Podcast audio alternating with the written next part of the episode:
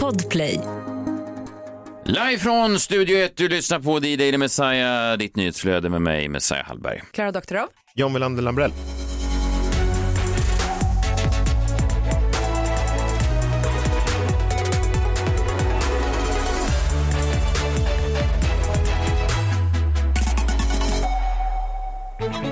Det är den tredje torsdagen i juni. Vi är tillbaka och det är eh, 16 juni. Vad är det nu? Åtta dagar till midsommarafton. Har ni midsommarplanerna klara? Bra! Eh, breaking news. Eh, igår så annonserade Joakim Lamotte att han lägger av som journalist. Eh, intressant karriär ändå, Joakim Lamotte. Första gången jag kom i kontakt med Joakim Lamotte så var han väl då kanske lite mer traditionell journalist än vad han var i, i slutet av sin karriär. Och ehm, då var det en sån eh, Aftonbladet TV det var en, en snabb debatt, de hade något sånt koncept, man diskuterade regnkläder på eller av eller gummistövlar på eller av. Det var väldigt så här svart eller vitt och eh, Lamotte hade då var en synpunkt och sen var eh, någon annan motståndare till honom. Eh, och så diskuterade vi det här, det hade liksom ingenting med invandring och kriminalitet att göra. Nej. Eh, och sen så tror jag att jag gav segern till Lamotte, för jag var jury i det här, det var ett väldigt konstigt koncept. Och då minns jag att Lamotte skrev på sin Facebook, eh, komikern med Hallberg, annonserade mig till vinnare. Och sen då så följde ju många år av att han blev mer och mer eh, inputtad i en viss hörna, eh, politiskt hemvist. Och vissa hävdar väl att det inte var journalistik det han ägnade sig åt. Men man måste ju ändå säga då att om man tvingas lägga av på grund av hot mot sin familj så är det intressant då att folk från vänstern, om man nu ska kalla dem från vänstern, men folk som hade animositet mot Lamotte, att de tog honom så mycket på allvar samtidigt som de hävdade att han inte var en journalist. Alltså det är konstigt att både ge en man så mycket relevans samtidigt som man säger att han är helt icke-relevant. Men är det för att han då, men han har ju ändå makt för han har haft människor som lyssnar på honom och han har haft följare. Jo det, jo, det förstår jag, men varför är han så viktig då för folket som säger sig inte alls bry sig om Nej, men vad jag han tror han säger? är tacksam att ha som motståndare eftersom då det är lätt att förlöjliga honom tror jag. Alltså att det är så många, de, Magasin Paragraf gjorde väl den här eh, undersökningen om hans eh, journalistik då, att 73% av allt han hade skrivit handlade om honom själv. Ja, jo, men då, Eh, ja, Alltså det, om, för som motståndare är han ju kanske tacksam då för vänstern. för, för att det blir att det är lätt att känna sig bättre kring sig Ja själv. men alltså, alltså precis, att kolla på den här killen, det här är våra meningsmotståndare, så här ser de ut, de skriver 73% artiklar om sig själva, det gör ju inte vi här på vänstern. Jag tror att han är en tacksam motståndare, det är därför de har liksom lyft upp honom.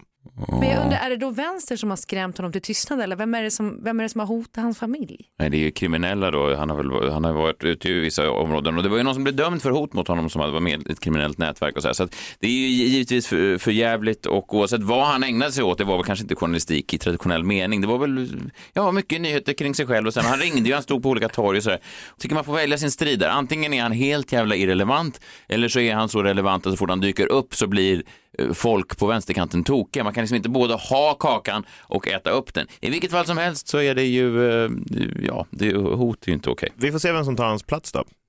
Ja, men det finns väl massa människor. Men återigen, om man då som paragraf, då magasinet Paragraf hävdar, kolla här vilken pajas, då borde man ju kunna göra det större och ignorera honom. ja. För att det här kommer ju alltid fortsätta, det kommer alltid finnas en ny Lamotte. Nej, det är intressant, det är spännande också att se vad han, vad han gör nu, om han bara ska dra sig tillbaka. Också svårt, tänker jag, att man har haft en sån, en sån framskjuten eh, position där man alltid pratar om sig själv. Jag kan, jag kan inte ens föreställa mig hur det skulle vara att, att ta ett kliv tillbaka från The Daily Messiah och se någon annan stå här och prata Nej men ska han söka jobb på Volvo nu eller vad, vad händer nu? nej, precis, det kan man inte swisha till honom längre? Jo, det, i sitt sista meddelande precis innan han då gick i pension så sa han om ni ändå är sugna på att swisha lite mer så kan ni göra det. Ändå, jaha. Ja. Jaha. Så swish-dörren är öppen fortfarande? Switchdörren tror jag inte är stängd. Nej. Nej. Eh, Okej. Men vad ska man swisha för nu bara för att man vill? Bra jobb. Ja, mm, Okej. Ja. Retroaktiv swish då. Tack för ja, att du har gjort. tack för allt du Lång och trogen Ja, tjänst. ja. Men, men det är ju såklart för jävligt ändå. Sen är det också journalister, alltså, det finns ju en poäng i det här, att hade han varit en vänsterdriven journalist så hade ju folk tagit hoten mot honom på ett mycket större allvar än vad de gör idag. Alltså så är det ju. Alltså att, att det, är- det är ju skamligt i viss mån att journalister så lätt avfärdar honom som ett skämt. Alltså att det finns liksom ingen double take. Man kanske kan avfärda honom som ett skämt, men det är liksom inte ens en tvekan om att de ska göra det. Vilket såklart det också kan vara problematiskt. Hot är i alla fall ingenting vi står bakom här på TD. Nej. Nej. Nej, jag kan inte påminna om senast jag hotade någon. Jo, det var på Arlanda när jag, när jag missade mitt plan till Luleå. Då hotade jag eh, Just de det, här så personalen här- som vägrade. Tanten tappade portmonnän. Ja, Folk som inte tackar dig hotar du ju också. Ja, ja, Indirekt. Ja, I och för sig, han hotar ju någon varje dag. Det är i mycket hot nu när jag tänker efter. Det är ju nästan en hotpodd det här. Så ja, där vet jag inte. Du får öppna ett Swish-konto du också. Ja, några som jag inte hotade i alla fall, det var ju de här. Finalhoppet i poolen!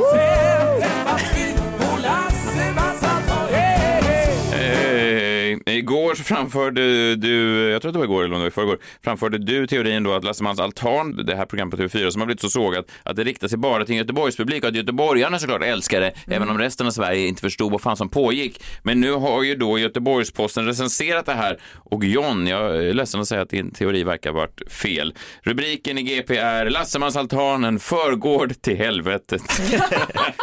Oj, det är en väldigt rolig recension, jag ska inte eh, vem ta. har skrivit den? Eh, Jan Andersson heter han. Lassemans altan, i Ryssland känt som Satan 2, är alltså somriga uppföljaren till Arvingarnas jul. Eh, och jag kämpar verkligen med att försöka beskriva vad jag just har sett. Det är inte lätt. Man har gett sig fan på tvångsmata landets tv-tittare med All Things Göteborg. Vi snackar inte om bryggor och tång utan om grov, närmast desperat västkust-onani. Det är som att TV4 fyllt ett helt hagelgevär med räkskal och avrassat rätt i ansiktet på sina tittare.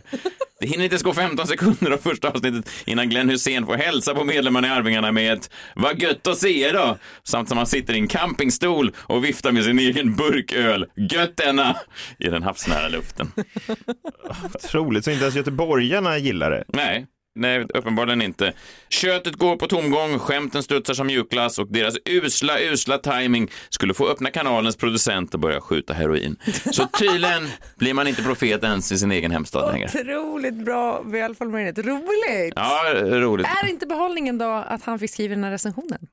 Ja, jo kanske. Men man får också ge det till Arvingarna att om några kan ta sig igenom det här och skaka av sig och ändå Ja. tycka att livet är la gött, så är det ju Arvingarna. Men det är bättre att få en rejäl sågning än att få tre plus i alla fall. Det tror jag inte att man håller med om. Ja, det håller jag med om. Ja, jag, Jag håller med om min egen. Ja, jag jo, själv sa. Jo, jag förstår. Jag tror, om du, har du någonsin upplevt en riktig sågning? Ehm... Har, det, har någon av dina böcker fått en... På Storytel. Ja men det är ju enskilda alltså galningar. Jag hatar ju att folk bara kan gå in och skriva en recension helt anonymt. Jag där. älskar det. Älskar det. Och så har de ju ingen smak och ingen känsla och ingen talang själva. Va? Jaha, ja. Kanske. Nej, jag bara säger, det sätter sig på själen. I normala Ja, fall. du ser ju, du tar ju upp det här. Jo, jo, men jag bara menar det är ju bättre än tre plus. Det tror jag inte att du tycker.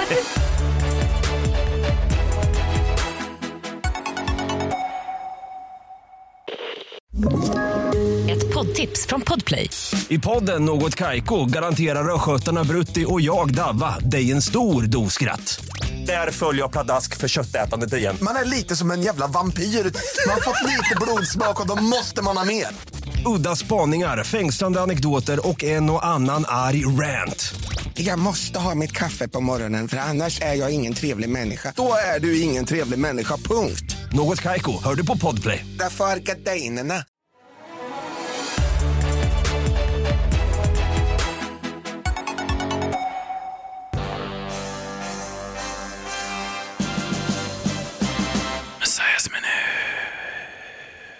Jag tänkte prata om eh, Svenska Dagbladets nya podcast där det första avsnittet handlar om just den här podcasten. De har alltså gjort ett helt poddavsnitt om The Daily Messiah och hur vi jobbar med nyheter. I alla fall på Ekot börjar man ju med att eh, nyhetschefen kommer in tidigare, eh, kollar av eh, TT, vilka är liksom eh, presskonferenser, om, eh, om regeringen håller presskonferenser, rättegångar, olika beslut som ska tas. Här var det ju liksom, vad ska du göra då? Och vad ska du? Och så man fick liksom göra lite vad man hade lust med.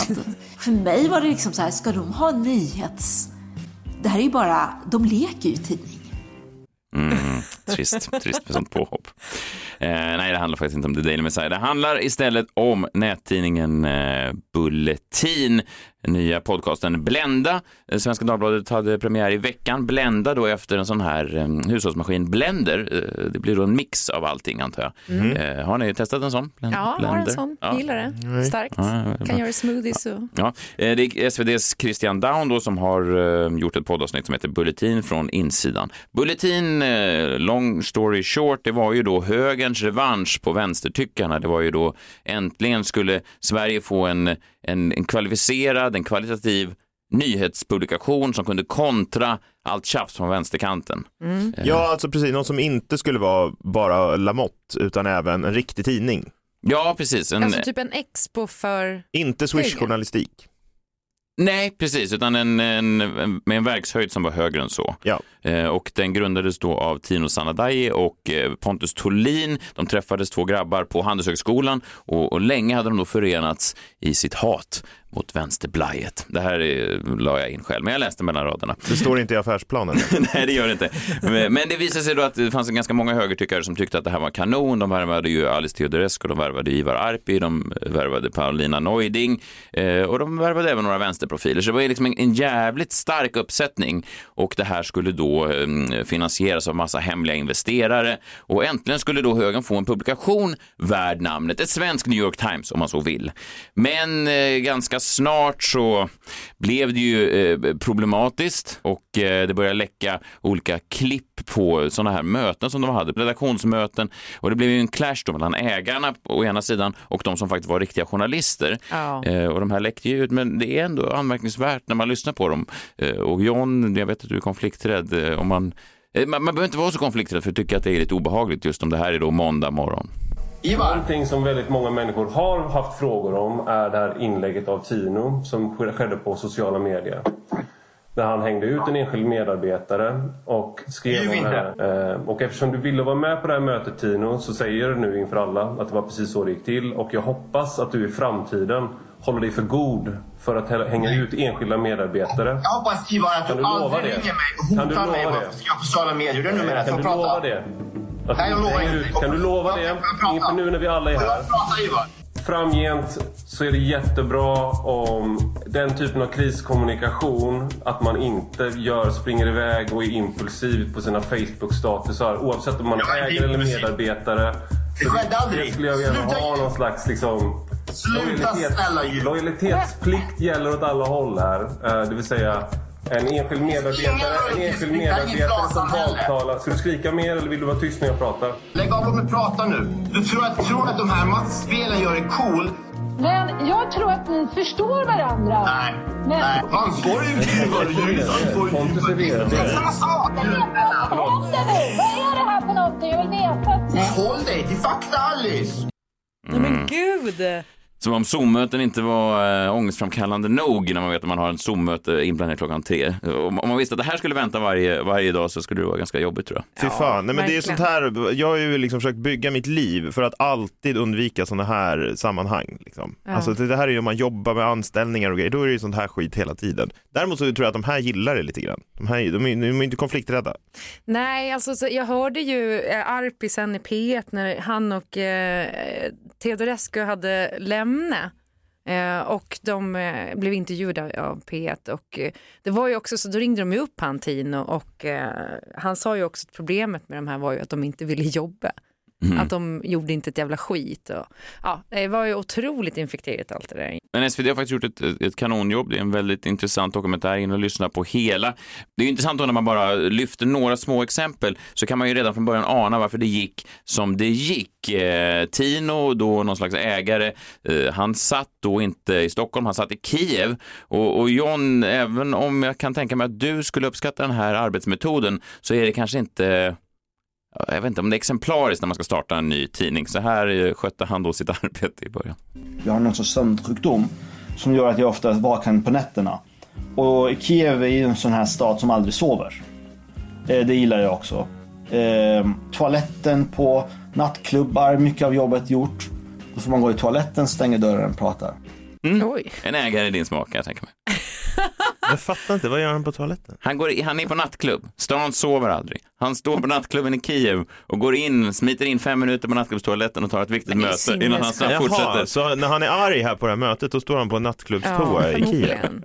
Roligt också att säga att de andra är arbetsskygga, men vem fan jobbar på toaletten på nattklubb? Ja, det är ju John.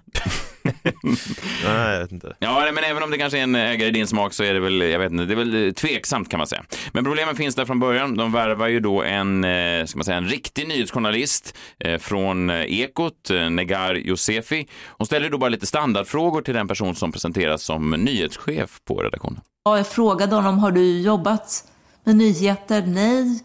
Har du varit nyhetschef förut? Nej. Var kommer du ifrån? Något F+. Jag bara, vad är F+, för någonting? Och så var det två andra personer som skulle vara nyhetsreportrar. Var kommer de ifrån? F plus också. Jag bara, vad fan är F plus? Mm, F plus visar sig då vara... F plus? Ja, eh, det är då en näringslivstidning som precis innan hade intervjuat eh, Tino Sanadaji och då passade han på att eh, grabbar, vad fan, vill ni inte komma och jobba för oss? Ingen har ju talat om F plus för varken förr eller senare. F plus. Men eh, det stod ju då i bjärt kontrast till eh, till exempel när det kommer in då en, en riktig Ekot-reporter som ställer frågan just hur, hur nyhetsrapporteringen ska gå till och hon märkte ju då ganska snabbt att de pratade på ett annat sätt än man brukade göra på Ekot. Eh, för de hade ju då en, en agenda, vilket de kanske hävdade att de inte skulle ha. Så det skulle ju då vara nyhetsrapportering utan agenda för första gången. Om man då utgår från att public service har en agenda så skulle det här vara motsatsen motsatsen. Eh, men såklart att de kanske driver vissa frågor, men det, det fanns då vissa frågor som var väldigt uttalade. Eh, och det var ju kanske inte då hur det gick på Nya Karolinska, det var ju då kanske inte att kritisera skattebrottslingar, utan det fanns ju någonting annat som, som då var outtalat eh, innanför redaktionsväggarna. När jag kom med förslag om att göra jobb, reportage på ja, men olika förslag. Det var inte intressant. Intressant var ju invandrare, kriminalitet och invandrare. Ah, det var det ändå som var grejen. Vem hade kunnat tro det? Trodde hon inte det då eller? Nej, ingen verkar ha trott det. Förrän det sen visade sig att det var det. F plus. Vad handlar den om då? Ja, näringsliv antar jag. Näringsliv, jaha. Ja. Negar slutar till sist eh, och delar med sig av en historia. Jag vet inte om ni känner till det här kontot på Twitter, eh, saker som inte har hänt. Eh, Nej. där de då suger upp eh, nätet efter historier som folk delar med sig på, på sociala medier, men som de hävdar då aldrig har hänt, att folk då ibland kanske poserar med saker eh, som låter bra, men som faktiskt inte har hänt i själva livet. Jag tror att Negar eh, berättar här om ett läkarbesök som hon mycket möjligt har varit på, men jag tror inte att läkaren sa de här sakerna när hon berättade att hon skulle sluta på Bulletin. Jag gick till en läkare minns jag. Och så sa jag att jag vill bli sjukskriven. Jag, vill, jag mår inte bra. Jag ska skicka det här till Försäkringskassan. Han var vad jobbar du? Uh, jag jobbar på den här Bulletin. Nej, fy fan. Det där skithöga till tidning. Där kan du inte jobba. Jag sjukskriver dig på en gång. Om du inte är sjuk nu så kommer du bli jättesjuk om du stannar där. Ingen svensk läkare har tagit de där orden i sin mun. Tror du inte? Det är helt orimligt. Inte bara att han skulle vara så införstådd med eh, liksom, hur det ser ut på redaktionen på Bulletin, utan han ska brinna så mycket för det. Alltså, Det är väl också olagligt? Alltså, Ja. man kan inte, det, är, det, är bra, det är bra tips till alla försäkringsbedragare. Alltså, Ja, vad fast- säg på att du jobbar på Bulletin så blir du sjukskriven. Ja, i och för sig. Men det där är ju alla läkare på Gotland i och för sig. Jag kommer bara ihåg min doktor Roland som jag gick till och som... Eh... Han hade inget efternamn, nej. Nej, det har han inte. Han, Eller läkare eller han hamnade i och för sig i fängelset sen. Men jag tvivlar såklart inte på att hon gick till läkaren och mådde skit, för det verkar alla ha gjort. De försvann ju en efter en, stridigheterna tilltog. Eh, Paulina Neuding försvann, Ivar Arpi försvann, Alice Teodorescu försvann. Pengarna börjar ta slut. Och ett annat sånt där tecken på att ett företag håller på att kapsejsa utan att riktigt veta om varför, det är att man börjar lägga pengar, slösa pengar på projekt som kanske bara är just eh, slöseri. Då är vi uppe i minst 3 miljoner kostnader per månad. Sen tar vi in den här Andy Rosenthal. Och med hans ersättning så plus att vi gör en del andra expansioner. Vi ska göra den här, eh, det som är tänkt att bli en tv-serie där Hanif Bali och Jan Emanuel Johansson ska prova nya bilar. Och det är ju väldigt dyrt att producera det förstås. Inget säger mer än företag är på väg att gasa sig ur en kurva.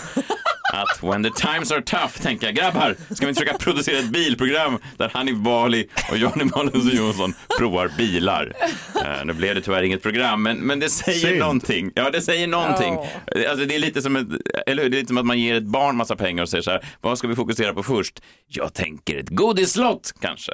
Och så tänker man, nu är pengarna slut. Va? Jag har inte ens fått mitt godislott. Alla de här stora namnen försvinner, eh, allting ska försöka redas upp, ekonomin ska försöka härledas, vart tog pengarna vägen och så vidare. En ny chefredaktör kommer in, en 27-åring från Åland som, som verkar ha haft problem med både det ena och det andra. Han hamnar såklart också till slut i strid med Tino. Eh, det verkar som att den här Tino, han gillar konflikter, han är motsatt till dig John. Den här killen, han backar inte för en, för en konflikt. Det är också lättare att ta en konflikt när man är då några drinkar in på en nattklubbstoa i Kiev. Alltså då skulle jag kanske också ta en konflikt, jag vet inte. Men i slutändan verkar de i alla fall få lite ordning för då kommer det in folk som verkligen eh, ja, men kan någonting eh, på riktigt och ska styra upp det här. Jannik anar att han kan behöva juridisk hjälp på stämman. och han har precis fått tips om en person som kan passa. Rickard Aron Nilsson. Han är en affärsjurist i Stockholm. Han är, han är riktigt bra. Vad man än säger ska man bemöta med ett lugnt tonläge. Fråga, vem, vem var du nu igen? Aron Nilsson, affärsjurist, civilekonom. Jag är med och håller på att utreda de olika förehavandena som finns. Åh, äntligen. skål. En Ja, affärsjurist, en civilekonom. Äntligen någon med myndig stämma som kan reda upp den här soppan. Så skönt. Finns inga problem med den här mannen väl? Först efter mötet får Pontus veta vem den okände mannen med Kristianstad-dialekten är. Rickard Nilsson dömdes till livstidsfängelse. Trippelmördaren Rickard Nilsson. Jag minns förtvivlade anhöriga och jag minns en leende Rickard Nilsson i svart harmonikostym. Jag skjuter dem i huvudet, alla tre. Just när man tror att det inte kan bli bättre, när den här stundande tv-serien inte kan bli mer dynamisk, då introducerar man sin nya juridiska hjälp. En dömd trippelmördare nyss utkommer från finkan. Wow! Kudos! Otroligt! Man kan inte skriva det bättre Bra. än så. Nej, det är fantastiskt. Alltså. Den här dokumentären, gå in och lyssna på den. SVT har gjort ett kanonjobb. Om man sammanfattar det då, vilket blir då Bulletins eftermäle av alla de här storvulna drömmarna, alla ädla mål? Vilket blir deras slutliga och faktiskt det enda skopet som Bulletin någonsin åstadkom? Jo, för de fick ett riktigt jäkla skop till slut. Eh, Och det var då det här. Vi var ju bredvid Sveriges första McDonalds. Och eh, därför var vi först att skriva om när den, lags, när den lades ner. Det stod i och för sig i fastighetsvärlden men första, mm, fyra dagar före Aftonbladet i alla fall. Mm. Så de var alltså först, nästan först i alla fall, med att berätta att Sveriges första McDonalds på Kungsgatan i Stockholm skulle lägga ner. Det var kanske inte det de två ägarna drömde om när de satte ihop sin affärsplan eller när de handplockade sin redaktion. Men om man tar med sig någonting så är det väl kanske det att, att det är inte så lätt att driva en tidning. Eh, det är nästan som att det borde finnas någon slags utbildning för det.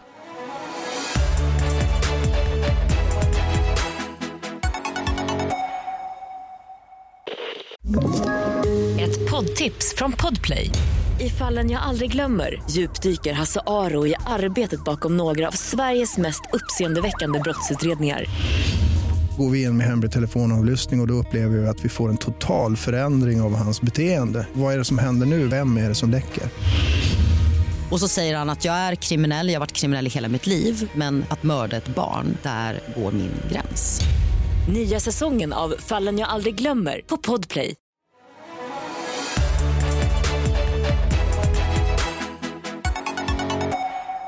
Är det nu så, John Wilander Lamrell, att trippelmördaren dyker upp även i krimmorgon? Nej, men eh, det är en påstådd dubbelmördare faktiskt. Ja, nästan lika bra. Krimmorgon. Eller nästan lika bra. Det låter som att jag uppmuntrar till mord. Det gör jag verkligen inte. Det är, både dubbelmord och trippelmord är ju såklart eh, någonting som vi tar avstånd från. Så vi tar avstånd från det också. Hot och alla typer av mord. Ja, jag tycker att det är rimligt att ta avstånd både från hot mot journalister och eh, mord. Mot journalister. Mot journalister. John, just det, krimmorgon. Eh, varje torsdag så berättar du om ett nytt krimfall. Eh, så även denna torsdag. Eh, vad handlar det om idag? En dubbelmördare. här, ja, men det här är helt otroligt faktiskt. För att jag, man har ju liksom, jag har ju en lista på fall som jag inte kan komma över och som eh, jag håller mig vaken om nätterna och sådär. Och den är ju liksom ganska satt i sten sen eh, en bit tillbaka. Det är liksom inte ofta man kommer över någonting helt nytt som man inte hört talas om tidigare, som ändå skedde för ett tag sedan. Och det liksom växer och tar sig upp på min lista. Alltså, förstår ni vad jag menar? Vad är det för lista? Nej, men lista över liksom fall, alltså Palme, John Benet. Ramsey, West Memphis 3. Jag har ju liksom några fall som man inte kan komma över och sådär olösta. Och det, vad är det för känslor som drabbar dig i kroppen då? Ja, men det är, det är liksom en, en känsla av eh, såklart obehag eh, på ett sätt, men också då en livsglädje i att så här, jag har så mycket att ta igen med, med ett nytt fall. Ja. Och det här skedde då också i 1996, samma år som John Benet. Jag har flera likheter med fallet John Benet Ramsey som jag är så besatt av. Och jag tänkte dra det här för er lite grann nu, för det gäller fallet Darlie Rotier. Har ni hört talas om det? Nej. Faktiskt inte. Den 6 juni 1996, alltså 26 år sedan va? Klockan halv tre på morgonen så får larmcentralen i Texas ett telefonsamtal. Det är Darlie Rotier som ringer. Hon säger att en man har tagit sig in i hennes hus och knivhuggit henne och hennes två söner. Devon, 6 år och Damon, 5 år. Polisen kommer dit snabbt och man kan höra den första polismannen på plats på larmsamtalet. Och det här samtalet har kommit att bli väldigt omdiskuterat och vi ska lyssna på det sen. Mm. Polisen undersöker platsen och ser att en sån här screen door i garaget, jag vet inte fasiken hur man översätter screen door, skärmdörr, alltså en sån liksom med insektsnät eller som en liksom... Ja, den som omsjungs eh, i öppningsfrasen av eh, Thunder Road av, av Springsteen.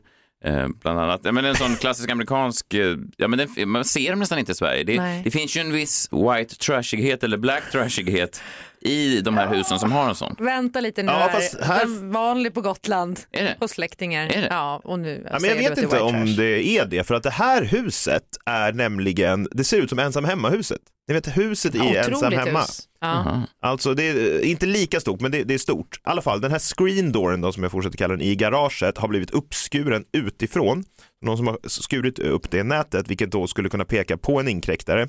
Men man hittar ingen inkräktare i huset. När polisen liksom har clearat hela eh, huset så får ambulanspersonalen komma in. Tyvärr går det inte att rädda Devon och Damon. Båda har fått så kraftiga knivskador att de avlider. Darlie, mamman, överlever dock. Och på övervåningen har Darlies man, pappan i huset, Darin, inte den Darin utan en annan Darin, sovit tillsammans med deras sju månader gamla bebis och de har inte blivit attackerade. Så de befann sig på övervåningen när det här skedde. Jag menar, det här låter ju som ett ganska unikt fall och efterspelet till det här kommer ju att handla om mamman Darlie. Och här finns det många kaninhål att ge sig in i och det kommer jag ägna min sommar åt eh, i alla fall. Vilken sommar? Ja men det är, eller hur? Vilken Ja, sommar. Verkligen. Låter Man det- läser inte om det i Aftonbladets söndagsbilaga. Nej men i fastighetsvärlden. Har du hört talas om sol och pool någon gång? Men det är, det är, låt sommaren regna bort, nu ska vi fokusera på Darlie Routier-fallet. Eh, och vi börjar med hennes egen historia om vad som har hänt. För hon säger till polisen att hon hade somnat på soffan tillsammans med sina två söner när de tittat på TV. Och hon vaknar av att det står en främmande man i vardagsrummet. Och när hon börjar närma sig honom så flyr han och tappar en kniv på vägen ut. Efter att hon, Darlie, har plockat upp kniven, det här är hennes historia då, inser hon att hon själv är skadad, både på halsen och på armen och ser strax därefter att även hennes söner är det och då ringer hon 911. Och det här tycker polisen är väldigt misstänksam då. Darlie och hennes söner hade alltså blivit brutalt attackerade men Darlie hade vaknat först efter att attacken var över. Hon menar ju på att hon inte hade märkt någonting av det här. Darli säger också att den främmande mannen flytt ut genom garaget, men polisen menar på att man inte hittat något blod där. Den här screendooren då som var uppskuren var dammig så det såg inte ut som att någon hade tagit sig in där. Däremot fanns det ett blodigt fingeravtryck på dörrkarmen som inte tillhörde någon i familjen.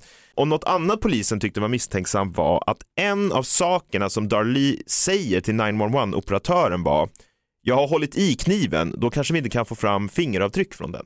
Så hon, hon öppnar med det? Hon, hon... Nej, hon öppnar inte med det, men hon säger det några minuter in i larmsamtalet. Vi ska lyssna på när hon säger det sen, för det här har ju kommit att bli väldigt omdiskuterat då. Personal på sjukhuset och ambulanspersonalen sa också att Darlie aldrig frågade om sina söner, hur det var med dem, trots att hon hade fått besked om att de hade dött. Ja. Men det kanske konstigaste av allt då, eller i alla fall det konstigaste fyndet av alla, var 70 meter längre ner på gatan så hittar man en blodig strumpa. Den här strumpan visar sig ha både Damon och Devons blod på den, alltså de två sönerna, men ingen annans. Darlie blir huvudmisstänkt, även om det fortfarande finns många frågetecken, men det är först några dagar senare som polisen tror sig ha tillräckligt på henne för att väcka åtal. Och det är när en nyhetskanal visar bilder från när Darlie, eh, hennes man och några andra familjemedlemmar firar Devons födelsedag på kyrkogården vid hans gravsten. Är ni med här? Alltså några dagar efter morden så firar familjen Devons födelsedag, alltså postumt. Han är ju död. Och på den här videon då så kan man se hur Darlie ler, skrattar och sprayar sådana här serpentiner. Jaha. Sån här serpentinspray. Just det. Men hon är ju chockad, det säger ju ingenting. Nej, alltså precis. Familjen menar ju då att nyhetsklippen inte visade då att eh, den dystra stämning som varit innan det här man började liksom själva firandet. Innan man plockar fram serpentinspray. Innan man plockar fram serpentinsprayen, precis. Men fyra dagar senare så anhålls Darlie eh, och åtalas för mord, många tror på grund av den här videon då som kom ut. Rättegången drar igång ett halvår efter. Häng med här nu, för åklagaren menar att Darlie mördade sina söner på grund av ekonomiska problem. De menar då att familjen som var liksom ganska framgångsrik, tjänade mycket pengar, bodde i ett fint hus. Darlie hade gjort någon bröstoperation som de hänvisar till som var jättedyr. Det är det ultimata beviset för att det går bra. Ja, men eh, åklagaren kallar det då en lavish lifestyle. Men de menar då att nu har de slut på pengar och Darlie ville ha ut livförsäkringen på pojkarna. Då kontrar försvaret med att livförsäkringen bara var på 10 000 dollar på de här pojkarna, knappt tillräckligt för att täcka begravningskostnaderna. Eller brösten. eller brösten, samt att hennes man hade en livförsäkring på 800 000 dollar. Ja. Alltså varför mördade hon inte honom då istället? En brottsplatsexpert vittnade om att brottsplatsen såg iscensatt ut. Känner vi igen det här från någonting? Ja. Ja, Ja. John Benet då att där menar ju vissa poliser då att den brottsplatsen också såg iscensatt ut. Juryn fick också titta på den här videon från kyrkogården då. Men Darlys försvar menar att det finns ingen motiv, det finns inget erkännande, det finns inga vittnen. Och så försökte de liksom säga åt Darlie att du ska inte vittna, alltså don't take the stand. Det säger man ju till sin klient. Man ska ju, alltså tips från coachen, don't take the stand om du Man- de säger ju å- alltid så. åtalar för någonting. Ja. Så ska man alltid så. inte göra. Nej, va- va- varför- det är riskfyllt för att då blir det att juryn kanske börjar bedöma en på ens personlighet mer än på, På liksom bevisen. bevisen. Mm. Och det tyvärr då är kanske det som hände här, eller tyvärr, men Darlie eh, framstod som kall, hon blev väldigt arg på åklagaren på vissa frågor och sådär. Och det där har ju diskuterats efteråt då, om, om det påverkade juryn på något sätt och det var i alla fall nog inte till hennes fördel. En tekniker vittnade om att hon hade blodstänk på sin tröja som tydde på att hon skulle ha hållit en kniv då ovanför sitt huvud och huggit pojkarna. Åklagaren menar på att såren på Darlie, för hon var ju också skadad, att de var ytliga då, att hon hade åsamkat dem själv då som en del av den här iscensättningen. Samtidigt sa en annan läkare som undersökt Darlie att såret på hennes hals kom två millimeter från halspulsådern, vilket hade dödat henne då. Ja. Och det är ju väldigt riskabelt då om man ska rista in ett sår på sin egen hals och är så nära på att ta livet av en själv. Ja. Som ni märker så är det mycket fram och tillbaka här, men jag vill fokusera på två bevismaterial här en stund. Dels den blodiga strumpan. Mm. För åklagaren menar på att Darlie placerat strumpan 70 meter från huset som en del av iscensättningen. Att man då skulle tro att det var en inkräktare som sedan flytt ner för gatan. Det skulle väl finnas blodspår från henne? Det finns det inte. Nej. Försvaret menar ju då på att varför finns det inget blodspår från henne och att strumpan i princip bevisar att Darlie inte kan ha begått morden. För att en av hennes söner, Damon, var fortfarande vid liv när ambulanspersonalen kom dit. Och rättsläkaren menar då att pojken bara kunde överlevt i ungefär åtta minuter med de här skadorna han hade fått. Darlie var samtidigt i telefon med 911-operatören i sex minuter samtidigt. Och försvaret menar att hon skulle inte haft tid att iscensätta en brottsplats, springa iväg 70 meter och lämna en strumpa och hinna tillbaka innan polisen och ambulansen kom dit. Det låter väl rimligt? Ja, alltså försvaret menar ju också på att det fanns inte heller något blod från Darlie varken i garaget eller någonstans utanför hemmet. Men det som fanns var ju då larmsamtalet. Det är nästan sex minuter långt och vi ska inte lyssna på hela här, men jag rekommenderar att man gör det. Man kan googla Darlie Routier 911 eh, call. Vi lyssnar på 45 sekunder från det här. Det är inte jättelätt att höra och ja, men lite triggervarning och sådär att det är lite otäckt. Uh,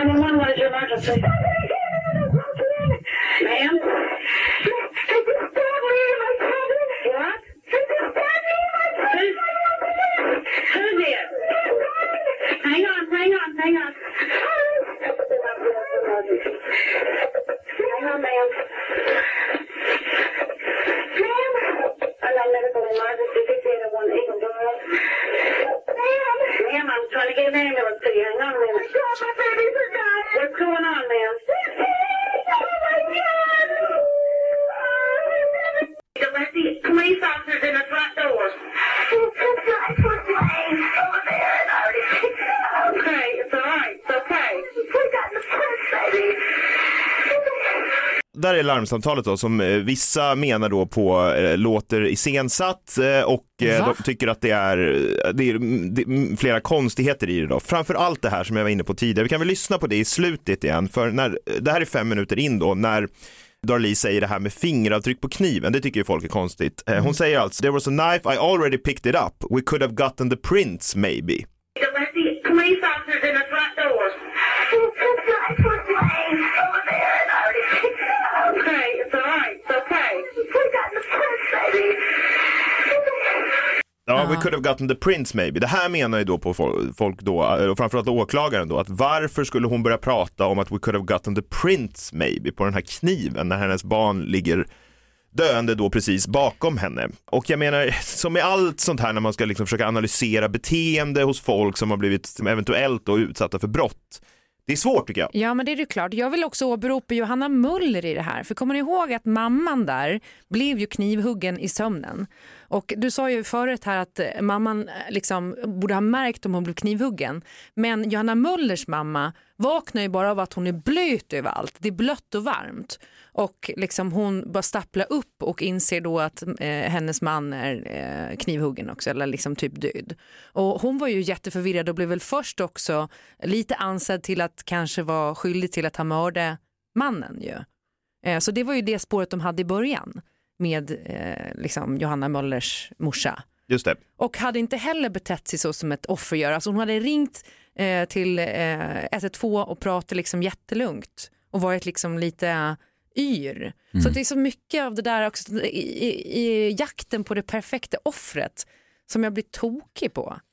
Ja, precis. Och här är ju jakten på det, perfekta liksom, Ja, förlåt. eh, vad heter Ja. det, förövaren då. För att det här då, eh, och kanske videon från kyrkogården tillsammans med liksom, eh, annat, gör att Darlie Routier den 1 februari 1997 döms till döden för mord på sina två söner. Då. För hon blev dömd. Hon blev dömd till döden. Men Darlie lever.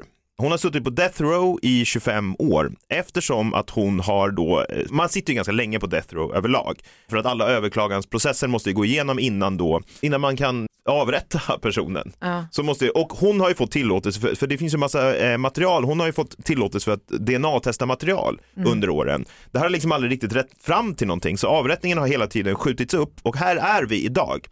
Jag menar, det här är ju liksom, vilket jävla fall ändå. Jag är helt blivit lite besatt av det här och tycker, och det finns väldigt mycket mer nu som jag inte har gått igenom som man kan gå igenom. Det finns blod från båda pojkarna på den här kökskniven, men det ska inte vara samma kniv som dödat en av pojkarna och den kniven har man aldrig hittat. Det här är delat upp då eh, nätdetektiver i två läger då, de som är för en intruder och de som är för eh, Darlie då. Inte helt olikt John Benet Ramsey fallet. Jag tycker det här är väldigt intressant och det är också det enda fall som min tjej, liksom, hon har ju behövt lyssna på x antal utläggningar jag har haft om olika fall. Du går igång, du, du tar Nej, inte, henne. sex, nej, men inte, inte Nej, nej, jag menar du, du, du drar igång hela det här, Ja, det här snacket. Ja, men väldigt ofta om Ja. väldigt olika fall. Det här är det enda fallet som hon har nappat på. Okej. Som hon ibland ligger och typ kollar och så här, har du visste du det här och det här? Så att det, jag vet inte vad det säger, men jag tror att det säger någonting. Ja. Att även hon är intresserad av det här. Men mamman är ju inte skyldig. Eh, nej, Jag tror inte det. varför? Nej, jag tror inte det. Jag, tror, jag tycker inte att det där är telefonsamtalet, även om vi bara hörde en liten bit, så tycker jag inte att det låter fejkat. Och den reaktionen när hon då skulle upptäcka att hon blev knivhuggen, den, det, det tror jag också. Strumpen, eh, jag tror inte att hon skulle hinna. Det skulle vara, alltså jag förstår, det finns inget motiv, det finns ingenting. Nej, Man mördar inte sina barn för totalt 20 000 dollar. det kanske man inte gör. Nu har, jag- det är flera grejer som jag inte har gått igenom här och det är ju det, bland annat så skrev hon typ ett självmordsbrev en månad innan det här. Som Ja, man men vadå, även om man har tänkt att ta livet av sig så här, nej. Hon skrev I'm inte- sorry Damon and Devon for what I'm about to do då bland annat. Hon menar bara att hon hade, mådde psykiskt dåligt då, att hon sedan blev bättre. Och, eh, men man kan också använda den argumentationen för att vem tar sig in i en familjs hus, mördar då försöker mörda en mamma och hennes två söner. Varför det? Det var inget stulet från huset och så vidare. Men jag alltså, är ju helt övertygad om att det finns liksom reasonable doubt här så du bara sjunger om det. Att hon har blivit dömd till döden för det här är ju helt sinnessjukt oavsett om hon är skyldig eller inte. Så vi får se vad som händer. Antingen kommer Darlie bli avrättad eller så kommer hon att komma ut på någonting. De här DNA-testningarna sker liksom löpande så jag tror att vi får anledning att återkomma till det här. Jag måste också bara en sista grej säga det att det är väl väldigt ovanligt att kvinnor mördar sina barn på det här sättet för det där är ju i sådana fall överlagt mord. Om hon skulle ha gjort det. Om det där brevet skulle handla om att hon tänker ta livet av sina barn och att hon har liksom springit ut och gömt eller eh, lagt ut liksom missledande bevisföremål och sådana grejer. Då är det ju planerat och överlagt. Och det är inte så kvinnor mördar sina barn. Kvinnor typ dränker sina barn eller kväver sina barn. Ja, ja. Alltså det, Casey Anthony, det finns ju fall där, eh, ja, men det, det vanligaste är ju att det är föräldrar som mördar sina barn. det är det men absolut Att vanligaste. kvinnor kuggar ihjäl sina barn, det, det är fan inte vanligt, det kan du ju inte Nej, säga. men det beror på vad du menar med vanligt, men när ett barn dör så Ja, är det vanligaste men att, den, att mamman eller pappan har ja, gjort ja, det. men tillvägagångssättet här är inte vanligt. Ja, men det är, hela det här fallet är oerhört ovanligt och även om det inte är Darlie så är det ju nästan ännu ovanligare att en inkräktare tar sig in och, och hugger ihjäl två barn. Det Ja. har liksom, jag har inte nå- något minne av att det har hänt någonsin. För jag menar, vad är motivet för det? Nej. Ja. Nej, ehm, det är ju... Kan prata hela dagen om ja, det jag hör det. Jag hör det. Och det här är min sommar. Ja, det är det verkligen. Jag kanske följer med dig in i den här eh, down the rabbit Välkommen. hole we go. Vi ska se, det kan ju faktiskt vara så att det eh, finns någon annan som tycker om att grotta ner sig i mord på sin sommar. Exempelvis Ulf Lundell. Vi läser ju hans dagbok eh, varje dag. Vad gjorde han för ett år sedan? Vi läser högt ur vardagar och nu har vi slagit upp boken igen. 16 juni 2021. Det är sommar. Svensk. Det tål att sägas igen. Det är svensk sommar. Kan den typ skilja sig från norsk, dansk, finsk? Ja, troligen. Endast i Sverige finns svensk sommar. ja, det var inte så mycket mord just där. Han hade andra tankar. Men endast i Men är Sverige finns det svensk sommar. Det här typ är Inget din kaninhål, husgud kanske. eller? Vad sa du? Att det här är din husgud. Vad menar du? Det är väl det plattaste jag har hört. Varför det? Det, det är det. Att han, att han ändå tänker att det här är så pass bra så att jag måste gå och bara liksom be någon att publicera det här. Vi hörs imorgon, då är det fredag. Eh, Vi ska försöka få hit eh, Joey Tempest. Är det sant? Se om han kommer. Vad roligt. Ja, han är aktuell igen med eh, någonting. Vi hörs då. Hej! Final countdown. Hej!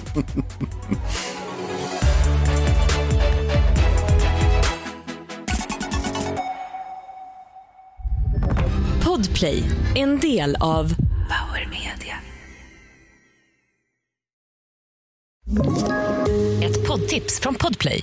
I podden Något Kaiko garanterar östgötarna Brutti och jag, Davva, dig en stor dos skratt. Där följer jag pladask för köttätandet igen. Man är lite som en jävla vampyr. Man har fått lite blodsmak och då måste man ha mer. Udda spaningar, fängslande anekdoter och en och annan arg rant.